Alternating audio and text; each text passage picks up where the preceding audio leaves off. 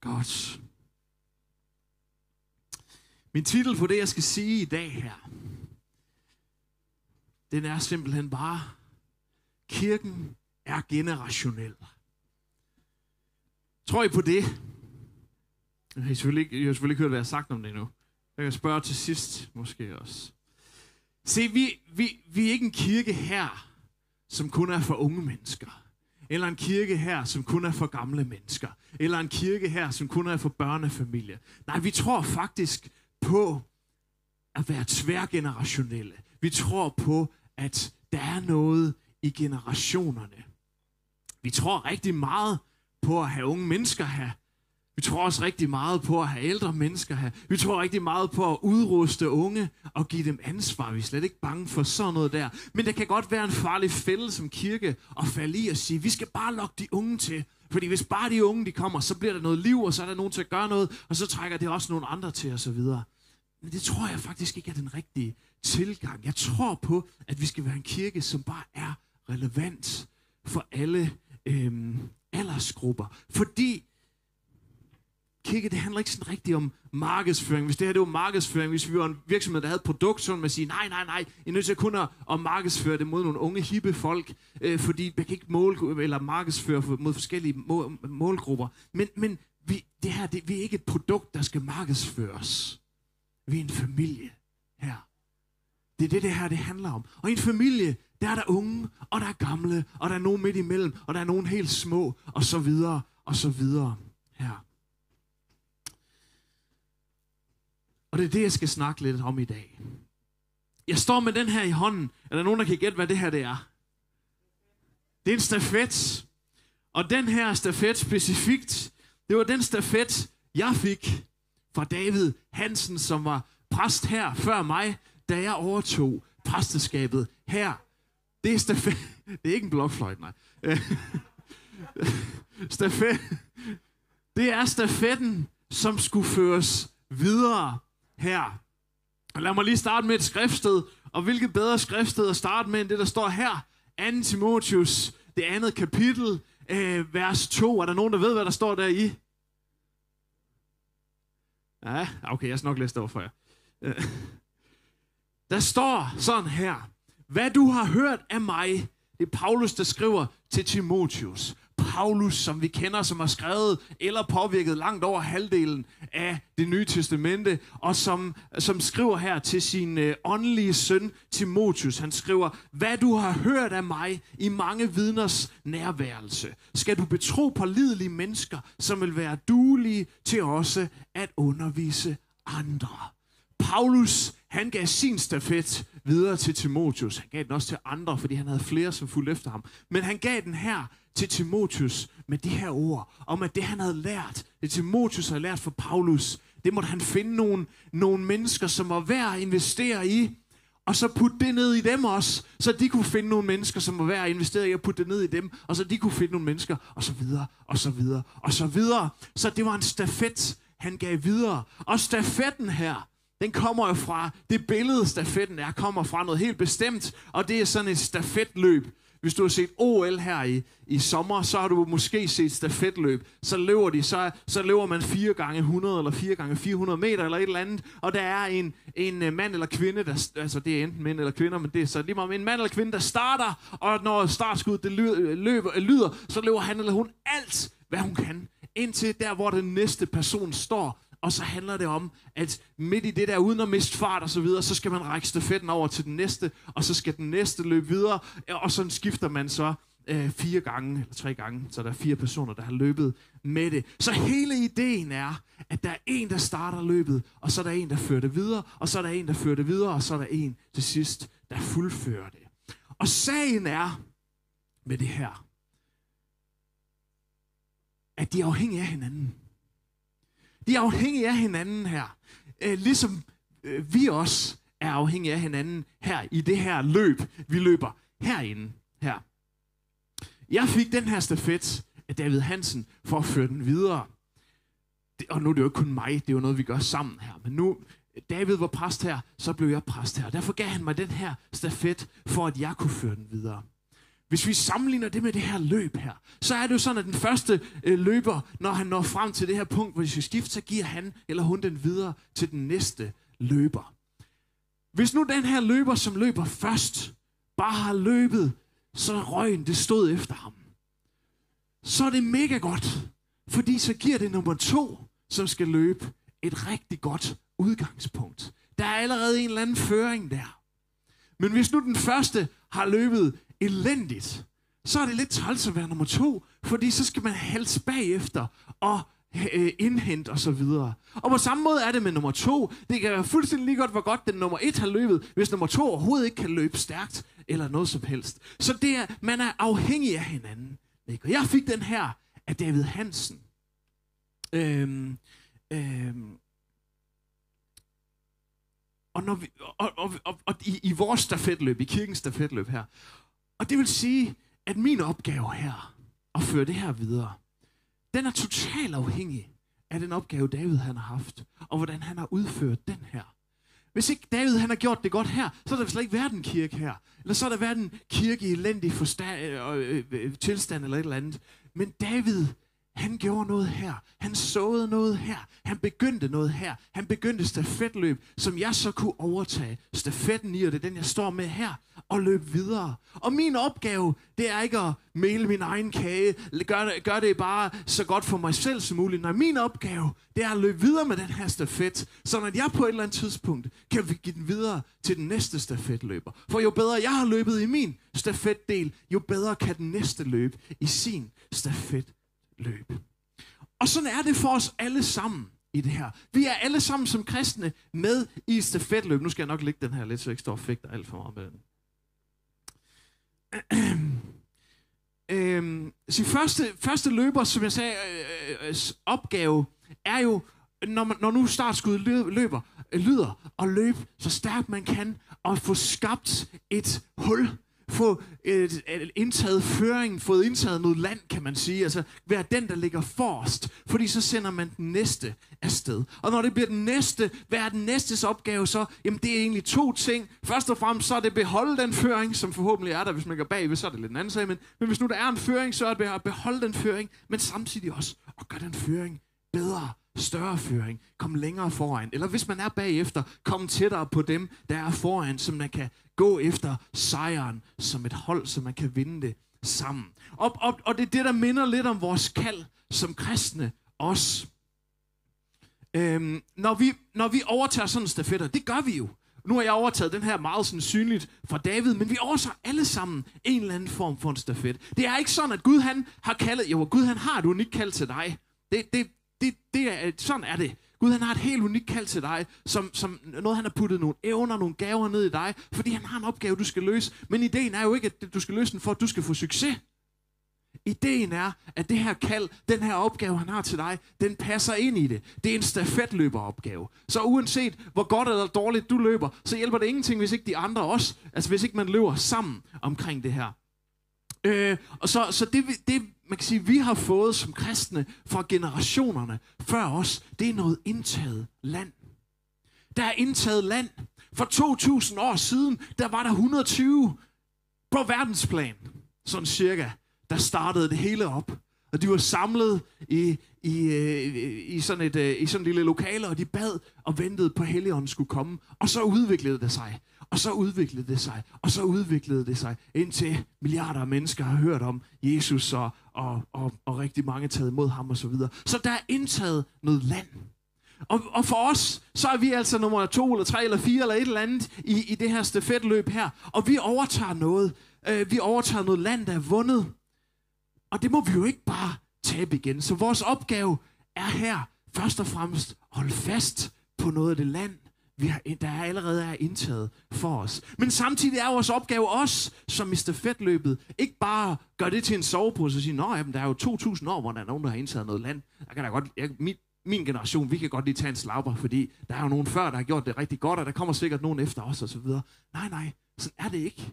Vi er nødt til først og fremmest at holde fast i det land, men vi er også nødt til at indtage noget mere land. Det er det, vi alle sammen er kaldet til. Vi er alle sammen kaldet til at løbe videre med den stafet, vi har stået, fået stukket i hånden. Her. Og, øh, og, og en af de måder, som det her det sker på, det, det er sådan, det kun kan ske på, eller, eller det, det kan vi ikke undgå, at det sker på den måde, det er ved, at en ældre generation giver noget videre til en yngre. Paulus gav noget videre til Timotius. Han sagde, du skal gøre sådan her. Det, du, skal, du skal give det, du har hørt, videre til nogen. Ikke? Så Paulus gav det videre til Timotius, til Timotius gav det videre til nogen, og så videre, og så videre.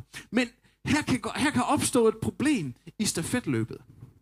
Fordi nogle gange, når vi står på position nummer 3, 2 eller 3 i det her stafetløb, så glemmer vi, at den foran os, eller altså den, der ligger før os, har udført en vigtig opgave.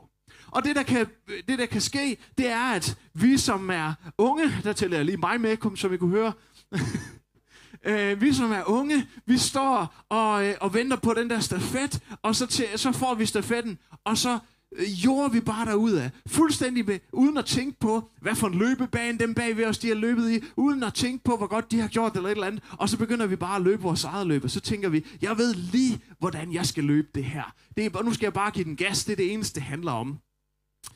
Men så glemmer vi bare nogle gange lige at lære øh, lidt for dem, der løb foran os. Og så, på samme måde kan dem, der løber først, kan måske tænke, jamen det kan jo lige godt, hvordan jeg løber, fordi bagefter, der kommer der en ung generation. Og den unge generation i dag, de er altså ikke som længere jeg var ung. Så jeg tænker det må de selv forklare, det må, de må selv klare det her. Jeg løber, som jeg vil, og når jeg når derhen til, så må de jo hente det, jeg har tabt, fordi at det kan de bare gøre. De må klare sig. De kommer altså alligevel til at gøre noget forkert, og vi vinder sandsynligvis ikke alligevel. Det er faren i det her, og selvfølgelig må vi ikke tænke sådan. Jeg tror ikke, der er nogen af jer her, der tænker sådan. Måske, nej, ikke engang nogen af jer, der ser med på streaming, tror jeg faktisk. Men det er faren, og vi må passe på det. Og det kan godt snige sig ind. Se, det der er, det er, at vi glemmer, jeg bliver med at tage den her op. Nu giver jeg den til min kone, ellers så påtaler hun det bagefter jeg har det slet ikke så slemt, som det lyder til. Øhm, det der er, det er, at når det her det sker, så er det fordi, vi glemmer styrken i vores forskellighed. Det, det at vi er forskellige fra generation til generation, fra mennesker til mennesker for den sags skyld. Det er det, der gør, jeg, jeg vil nærmest sige, det er en nøgle til, at vi kan udføre det kald, vi har. Som sagt, så er vores kald, selvom det er et individuelt kald, så er det et kald til en fælles opgave. Det er aldrig et kald til bare at gøre noget for sig selv. Det er, en kald, det er et kald til at passe ind i noget. Og når vi, øh, når vi glemmer det, når vi glemmer, at den her forskellighed mellem mennesker, men også fra generation til generation, den faktisk er super vigtig, så går vi glip af noget meget vigtigt. Hvis du har din bibel med, så kan du lige slå op i 2. Mosebog, det 17. kapitel. Så skal vi læse derfra. 2. Mosebog, det 17. kapitel, og vers 8-13. Kommer vi til at læse nu her. Og det er, øh, ja, det, det, jeg tror, vi læser det også lidt her i, i, øh, i introduktionen, men, men det, er, det er simpelthen øh, øh, øh, jøderne, som, som øh, bliver angrebet af amalekitterne her. Og så sker der noget meget interessant i det her. Og det, er, det tegner bare et godt billede på det her. Har I fundet det? Dejligt. Der står sådan her. 2. Mosebog, det 17. kapitel, vers 8. Amalekitterne kom og gik til angreb på israelitterne i Refidim. Der sagde Moses til Josva, udvælg nogle mænd og ryk ud og kæmp mod amalekitterne. I morgen vil jeg stå på toppen af højen med Guds stav i min hånd. Okay, lad os lige få, få sat øh, øh, øh skik på det her. Hvem er Moses? Moses, det var ham, der tog jøderne, førte dem ud på Guds øh, øh, bud, førte dem ud af Ægypten, ud af slavedom, og så løb de rundt, eller gik de rundt i ørkenen i 40 år, fordi de ikke helt gjorde, som han sagde alligevel. Øh, og det var Moses, der ledte dem der. Hvem er Josva så? Josva, det var Moses' efterfølger. Det var øh, ligesom Timotheus var efterfølger. Paulus så var Josva efterfølger af Moses, og det var Josva, der fik lov til at, at lede folket ind i det forjættede land, det land, de var blevet lovet, de skulle ind i. Men her på det her tidspunkt, og det er her, vi hører om Josva for første gang, her er Moses ligesom en overordnet for Josva. Han er en ældre generation. Han er nok også lidt højere i rang, hvis man kan tale om det. Men han er også en ældre generation. Ikke? Så, øh, så det han siger her, det er, at øh, Josva udvælg dig nogle mænd. Han giver en opgave til Josva. Udvælg dig nogle mænd. Ryk ud og kæmp mod amalekitterne. I, I morgen vil jeg stå på toppen af højen med Guds stav i hånden. Og står der videre fra vers 10. Josva gjorde, som Moses havde sagt. Han rykkede ud til kamp mod Am- Amalekitterne. Moses, Aaron og Hur var gået op på toppen af røgen. Så her var altså to generationer, de øh, var forskellige, de var forskellige generationer. Moses var ældre end Josva, og Moses han giver nogle ordre. Og, og så, så, så her har vi altså allerede det her med, at Moses han ser, der er noget i Josva, han ser, der er noget værdi i ham, han ser, han skal bruge ham til noget, så han giver ham en opgave, han giver ham noget at gøre. Han ser værdien. Han ser ikke bare en ung øh, øh, øh, øh, filur der, som, som ikke øh, kan noget som helst, og er alt for ung, og slet ikke kan det, Moses han kan. Nej, han ser en, der har noget at byde ind på i det her. Og samtidig så er der Josva, som, som er ung, og som hører den her gamle mand sige noget til ham, give ham en opgave, og i stedet for bare at tænke, ha, det kan, jeg skal da nok finde ud af, hvad jeg selv vil. Jeg skal da nok gå i krig med dem, hvis jeg vil, og jeg bestemmer selv, hvem jeg vil have med, og I skal, behøver slet ikke at gå op på den der høj der. Nu skal I bare se øh, nu skal du bare se Moses. Det gør han ikke. Han gør som Moses. Han har sagt, han havde en respekt for det, Moses han stod for. Det han bragte med sig, den visdom, han kom med der. Og så Josva, han gør som Moses han siger, og Moses han tager så Aaron, sin bror og Hur, som nok er hans svoger, øh, med øh, op, på, op på højen, op på bjerget. Øh, og de her tre gutter her, der går op på bjerget, det er samme generation, det er den ældre generation her. Og hvorfor gik de op på bjerget, tror jeg? Jamen, det er, også, det er selvfølgelig også svært at vide, hvad jeg tænker på her. Men de gik op på bjerget, tror jeg, fordi at når man er oppe på bjerget, hvad har man så? Så, ja, så har man udsyn, udblik, overblik. Så kan man se, hvad der sker her. Jeg tror også, de gik derop, fordi der var en synlighed. Man kunne se dem. De stod deroppe, og alle kunne se, de var med. Det kunne måske give noget øh, opmundring til alle de her tropper her. At lederne, de her, som var, gik foran, de stod deroppe, og man kunne se dem her. Jeg også, hvad han var med at lede nede i slaget, men de stod deroppe. Og så gik de derop for en ting mere, og det bliver tydeligt lige om lidt. De gik derop for at bede for det her. Der står sådan her videre i vers 11. Når nu Moses løftede hånden, løftede hånden i bøn, ikke? Når nu Moses løftede hånden, fik israelitterne overtaget. Så gik det godt for Josua, dem der dernede. Men når han lå hånden synke, så fik amalekitterne overtaget. Så gik det altså ikke godt for Josva og de andre. Da Moses blev træt i armene, tog de en sten og anbragte den under ham. Han satte sig på den, og Aaron og Hur støttede hans hænder fra hver sin side, så hans arme blev holdt oppe, til solen gik ned. Sådan besejrede Josva med svær amalekitterne og deres herre. Det, det kan godt være, at det ikke er den eneste men det her, det er en af de lidt mærkelige mirakelberetninger i Bibelen. Ikke? Josva, han går i krig. Og Josva, han fik sejr. Det står der her. Gud gav altså Josva sejr. Men hvad skulle alt det der håndløften så til for? Kunne ikke bare give Josva sejren? Jos, det var jo Josva, der gik ud i krigen. Det var jo Josva, der gik i gang. Det var ham, der gik ud med sværet. Kunne ikke bare give ham sejren? Han gjorde jo det, han skulle. Nej, det var noget andet, der skete her. Hvorfor er det Gud, han ikke bare giver Josva sejren?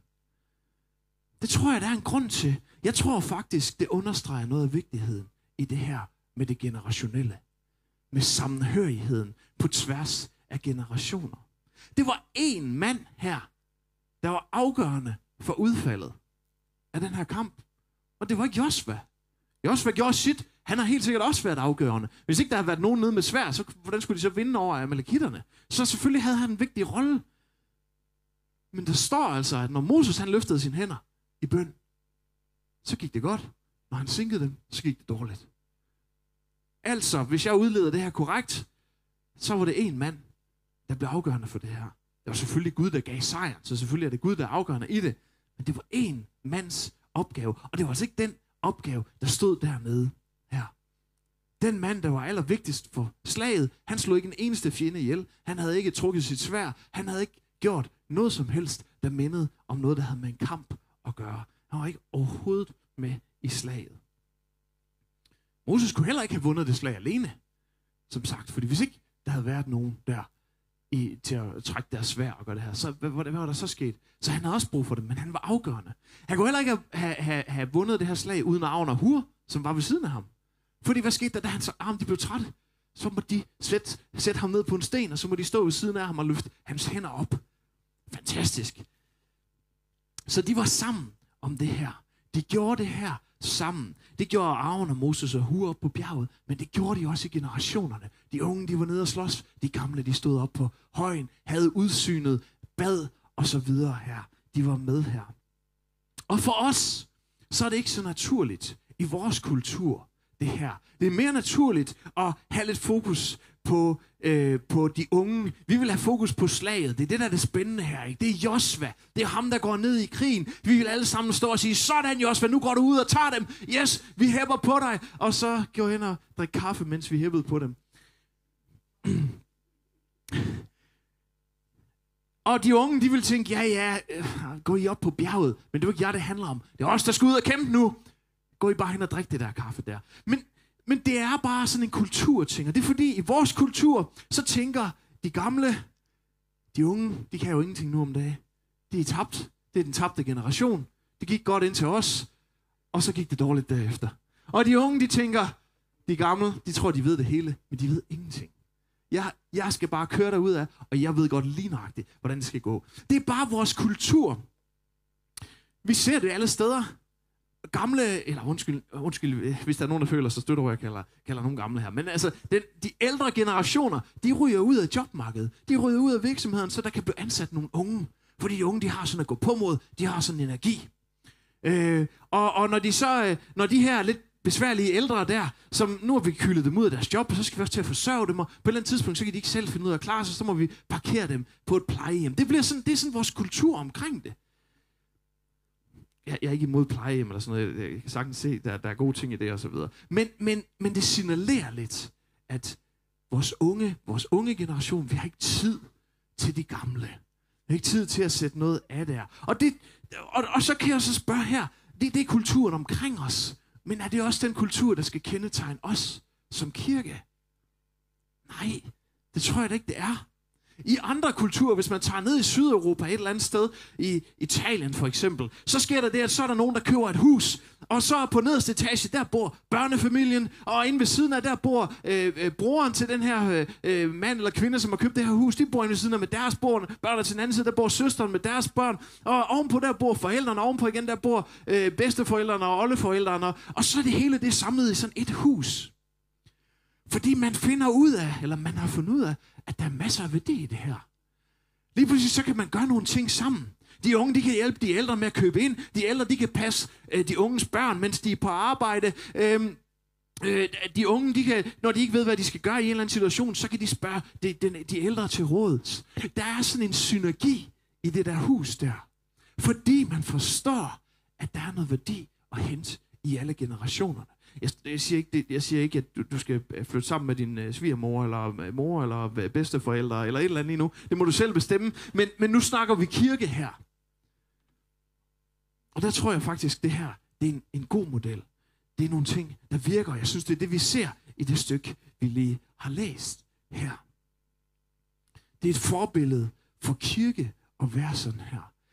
Se, Gud han gav den her sejr igennem Moses.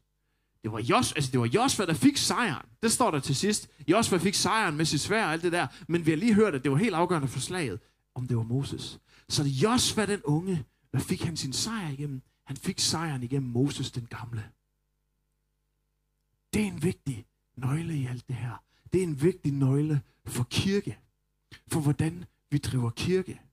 Kunne det tænkes, at vi i den unge, nu tager jeg lige mig selv med i en unge generation igen, men vi i den unge generation kun lykkes, hvis det sker igennem jer, der tilhører den gamle generation. Undskyld, den ældre generation der. I må ikke jeg, mener det ikke, øh, jeg mener det ikke på sådan en kulturmåde, gamle og færdige. Eller, jeg mener bare, der er unge og gamle, der er unge og ældre. Der, der, nu deler vi det hele op i to, meget sort og hvidt osv. Men, men, men så lad være med at føle stødt af det. Jeg, jeg prøver faktisk at sige det helt modsatte her.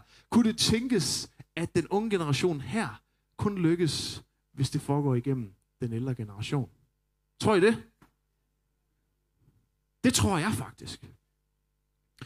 Og jeg tror, det her, det er jo, det, i virkeligheden så er det her jo discipleskab. Det er Moses i Osva, det er Elias Elisa, det er øh, Paulus, øh, Timotheus, og så videre, og så videre, og så videre. Det discipleskab, det er, at jeg giver noget videre til den generation, der kommer efter mig. Det har fungeret i 2000 år, heldigvis, for ellers så havde vi ikke en kirke i dag. Det var det Gud, han, eller det, ja, Gud, men det var det Jesus, han kaldte os til. at gøre.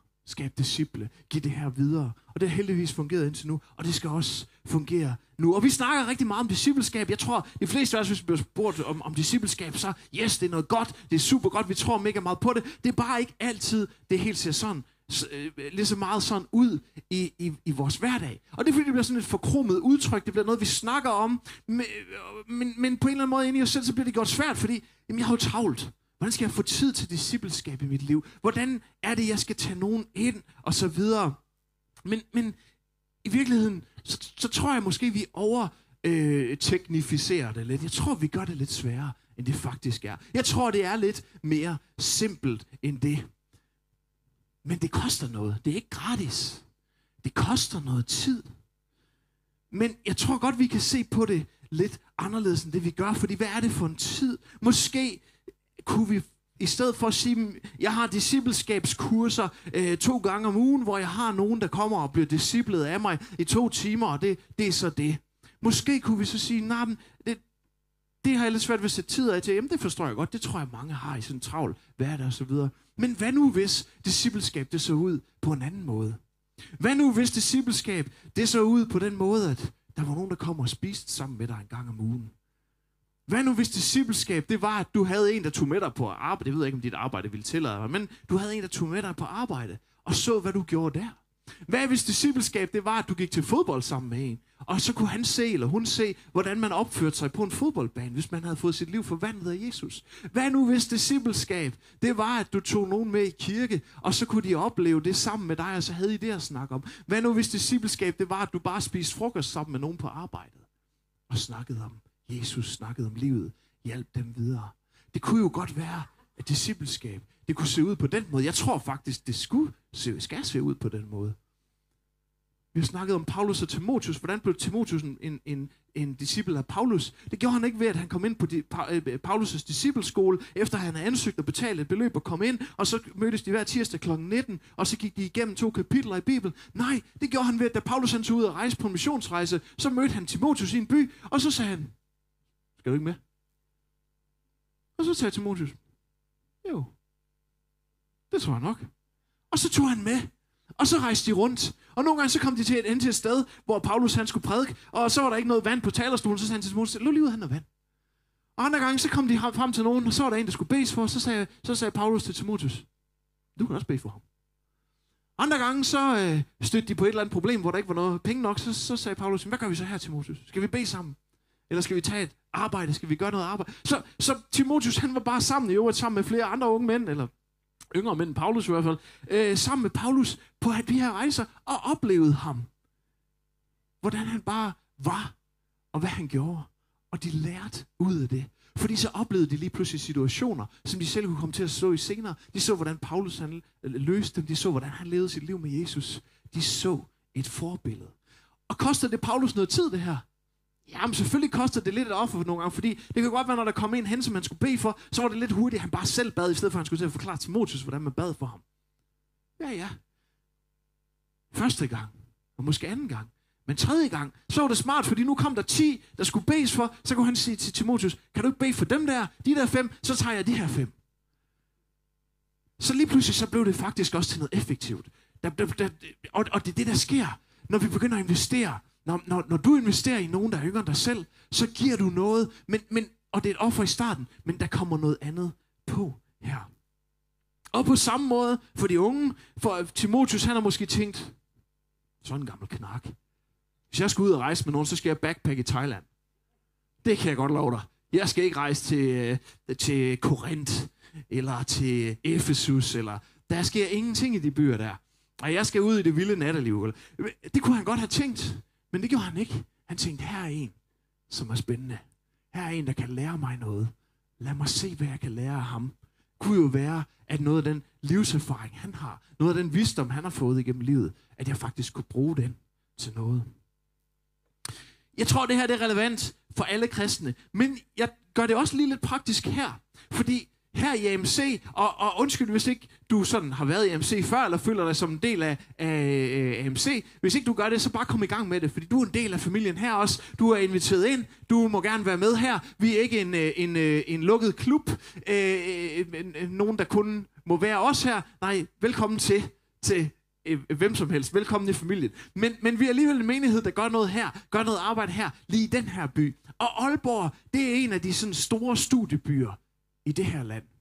Det vil sige, at når vi når derhen på den her tid af året, så sker der tit det, at der kommer nogle studerende, som flytter fra Herning, eller fra, øh, øh, eller fra øh, øh, øh Grenå, eller fra Jøring, eller fra Skagen, eller hvor de nu flytter hen, så flytter de hjemmefra deres forældres trygge favn, og så flytter de ind til en stor by, og det kan være, at de har kommet i kirke hele deres liv. Det kan være, at de har kendt Jesus hele deres liv indtil nu. Men lige pludselig så, så ændrer situationen sig. Lige pludselig så er de langt fra den standard, de har haft, eller den øh, øh, tradition, de har haft. De er langt fra den kirke, de plejer at komme i. De er langt fra deres forældre. De er langt fra dem, som har været omkring dem. Lige pludselig så står de alene.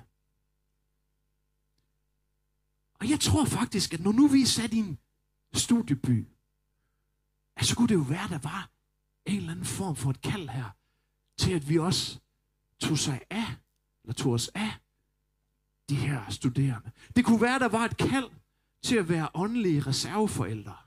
Åndelige reservebedsteforældre, måske endda. For nogle unge, der er i den her by her.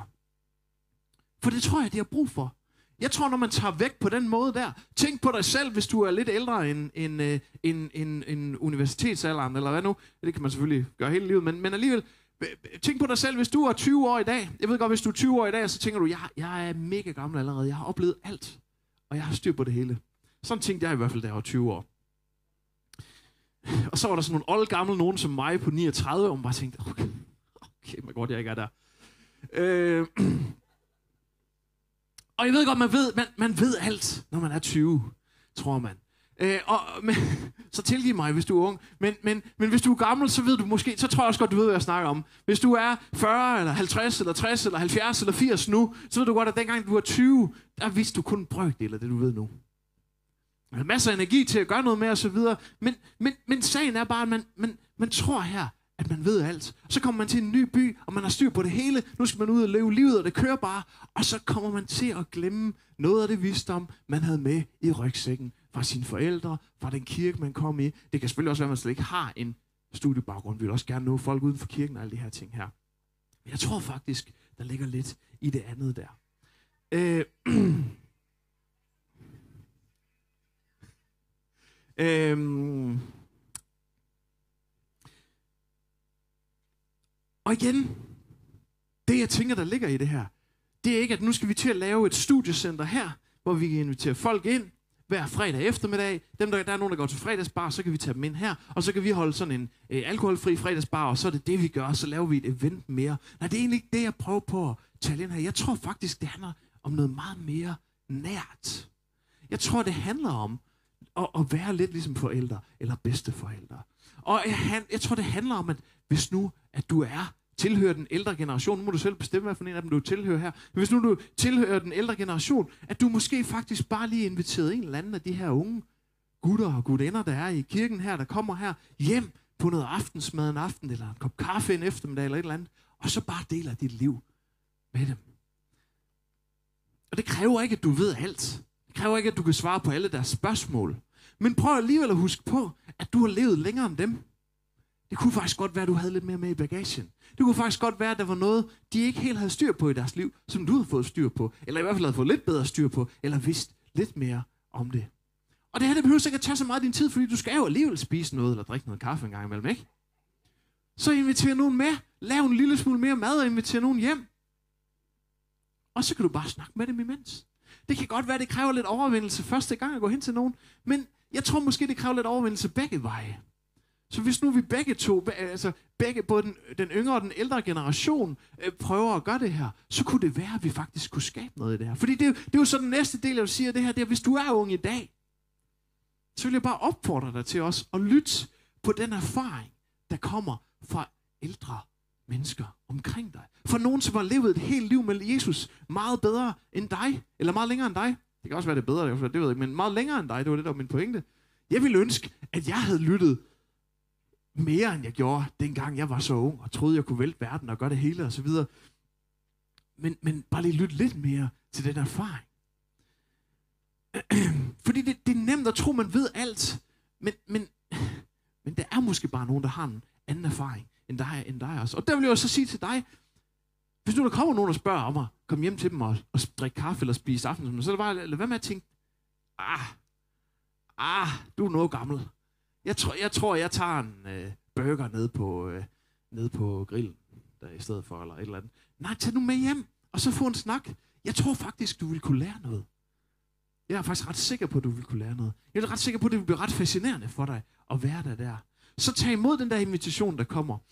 Øh, og vær måske endda frimodig nok, hvis nu der ikke er nogen, der spørger dig, så til at gå hen til nogen og, og sige, skulle vi ikke drikke en kop kaffe sammen en dag?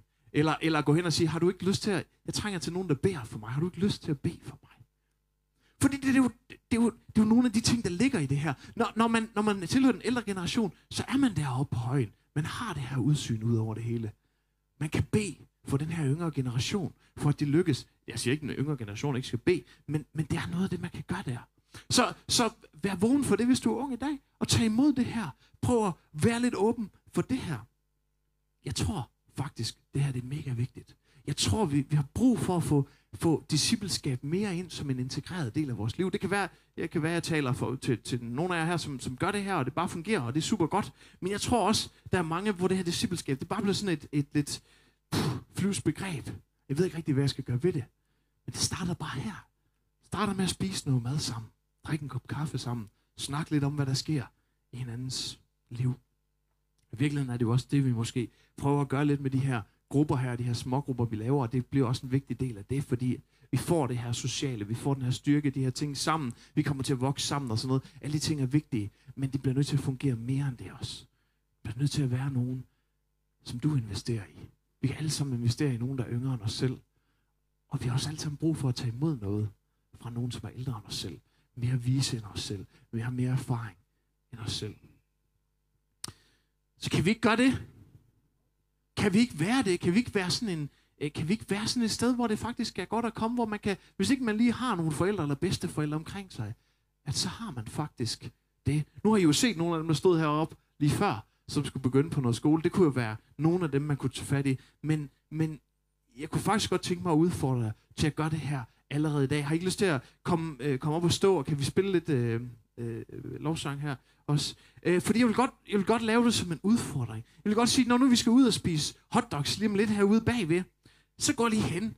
Snak med nogen, du måske ikke har snakket med før, eller som du måske ikke normalt ville snakke med, eller nogen, som du måske tænker, ah, jeg ved faktisk slet ikke, hvad jeg skulle sige til den person, eller et eller andet. Nogen, som er i en anden generation end dig selv. Og så vær lidt frimodig. Det er min udfordring her. Vær lidt frimodig til at spørge.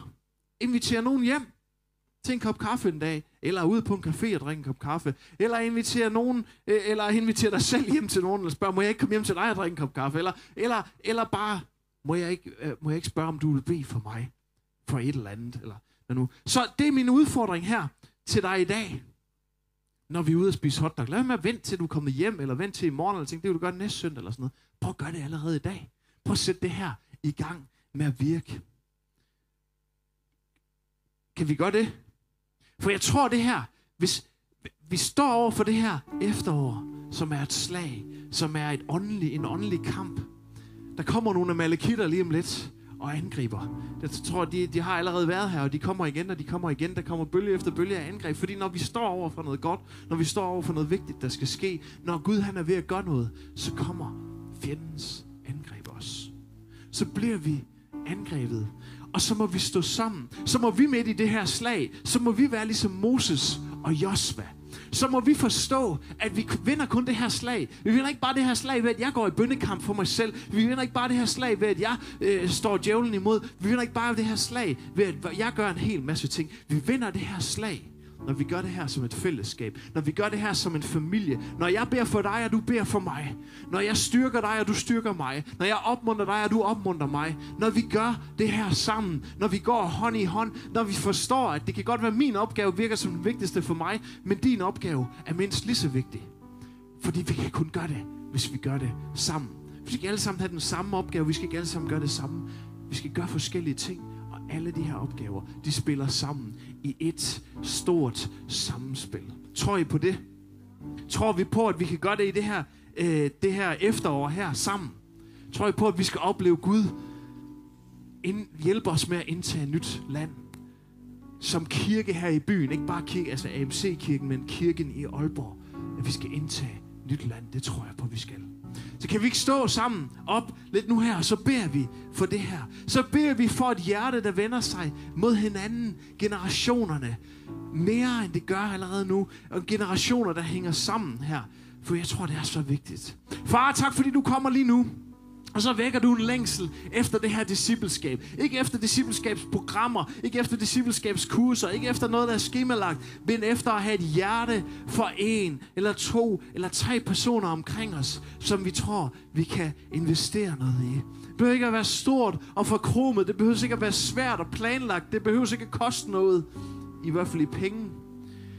Det kræver bare, at vores hjerte er vendt mod dig, og vores hjerte er vendt mod mennesker omkring os. Og vi har lyst til at investere noget af det, du har givet os, Jesus, i mennesker omkring os. Så giv os det hjerte, Giv os øjne, der ser menneskers behov omkring os. Giv os øjne, der ser de andre generationer omkring os. Både dem, der er ældre end os, og dem, der er yngre end os. At vi forstår, at vi alle sammen har noget at give til andre, og at vi alle sammen kan få noget for andre. Så tak, fordi du bygger relationer op nu. Tak, fordi du styrker relationer. Tak, fordi du gør, øh, sætter discipleskab i gang. Discipleskab hjemme ved, ved gryderne og tallerkenerne på bordet. Discipleskab på arbejdspladsen discipleskab i skolen, discipleskab om opgaver, tjenestefællesskaber, når vi tjener sammen, at vi gør det mere end bare en opgave, men at vi faktisk også midt i den opgave deler liv sammen, fylder hinanden op og lader os fylde op af dem, vi gør det sammen med. Der er så meget at få ud af det fællesskab. Der er så meget,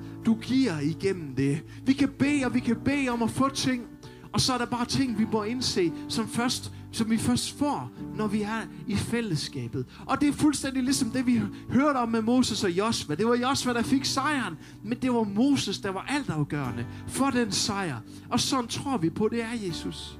Og sådan, hvis det er din model, når det er din model, så underligger vi os også den model. Så prøver vi ikke at gøre det, som verden gør. Så prøver vi ikke at gøre noget andet, bare fordi det virker smart, eller nutidigt, eller, eller nemmere. Nej, vi prøver på at gøre det, som du siger. Vi prøver på at følge den model, som du giver, Jesus. Men vi har brug for din vejledning. Vi har brug for din styrke. Vi har brug for at se, hvordan det skal ske. Og vi har brug for din hjælp til det. For det er ikke altid nemt. Det er ikke altid nemt at lukke sit hjem op. Det er ikke altid nemt at lukke sit liv op for andre mennesker omkring sig. Det er ikke altid nemt at dele de ting, der er svært med andre mennesker. Det er ikke altid nemt at sige til nogen, jeg ved ikke, hvordan det er svært. Nu skal du høre, hvad for en situation jeg har stået i. Det er mindst lige så svært at sige, jeg har brug for din hjælp, for nu skal du høre, hvad for en situation jeg står i lige nu. Men vi har brug for det. Vi har brug for det fællesskab. Vi har brug for at kunne gøre det over for hinanden.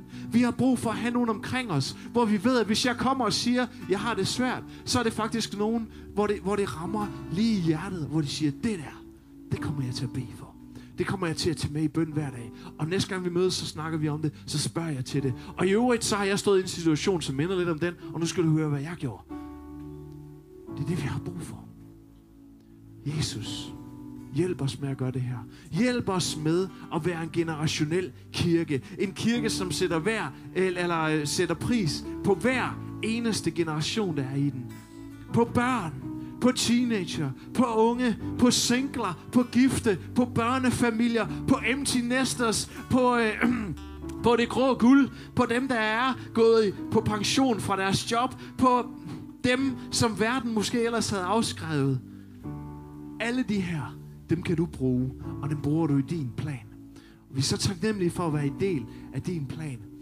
Så hold os fast i det. Hold os fast i at se værdien i mennesker omkring os uanset alder, uanset race, uanset køn, uanset status, uanset de ting, som vi ellers bruger til at sætte labeler på med. Tak fordi du giver os øjne til at se mennesker omkring os med de øjne, som du ser dem med. Se værdien i de mennesker, der er omkring os. Se potentialet, ligesom Moses han så det i Josva. Og indse erfaringen hos andre mennesker omkring dig. Også ligesom Josva indså det omkring Moses. Tak fordi du styrker os, bringer os igennem det her. Og tak fordi du bare får din vilje igennem det her efterår. At det er din plan, der kommer til at komme i værk her. Alle vores planer kan være fine nok, men ikke, ikke mere end det. Dine planer, det er de gode. Det er dem, vi gerne vil ind på. Så led os, Gud. Led os i det her efterår. Led os ind i alt det, der skal ske her. Vi har forventning om, at du gør nogle ting her, Jesus, fordi du har du talt om. Og det ved vi, du vil. Så du har det på hjertet meget mere, end vi har. Men læg det på vores hjerte også. Lad os strække os. Hjælp os med at strække os. Hjælp os med at gøre det, du har kaldet os til. Og hjælp os ikke mindst til at gøre det i fællesskab. På kryds og tværs af alle skil, der ellers måtte være imellem os. I Jesu navn.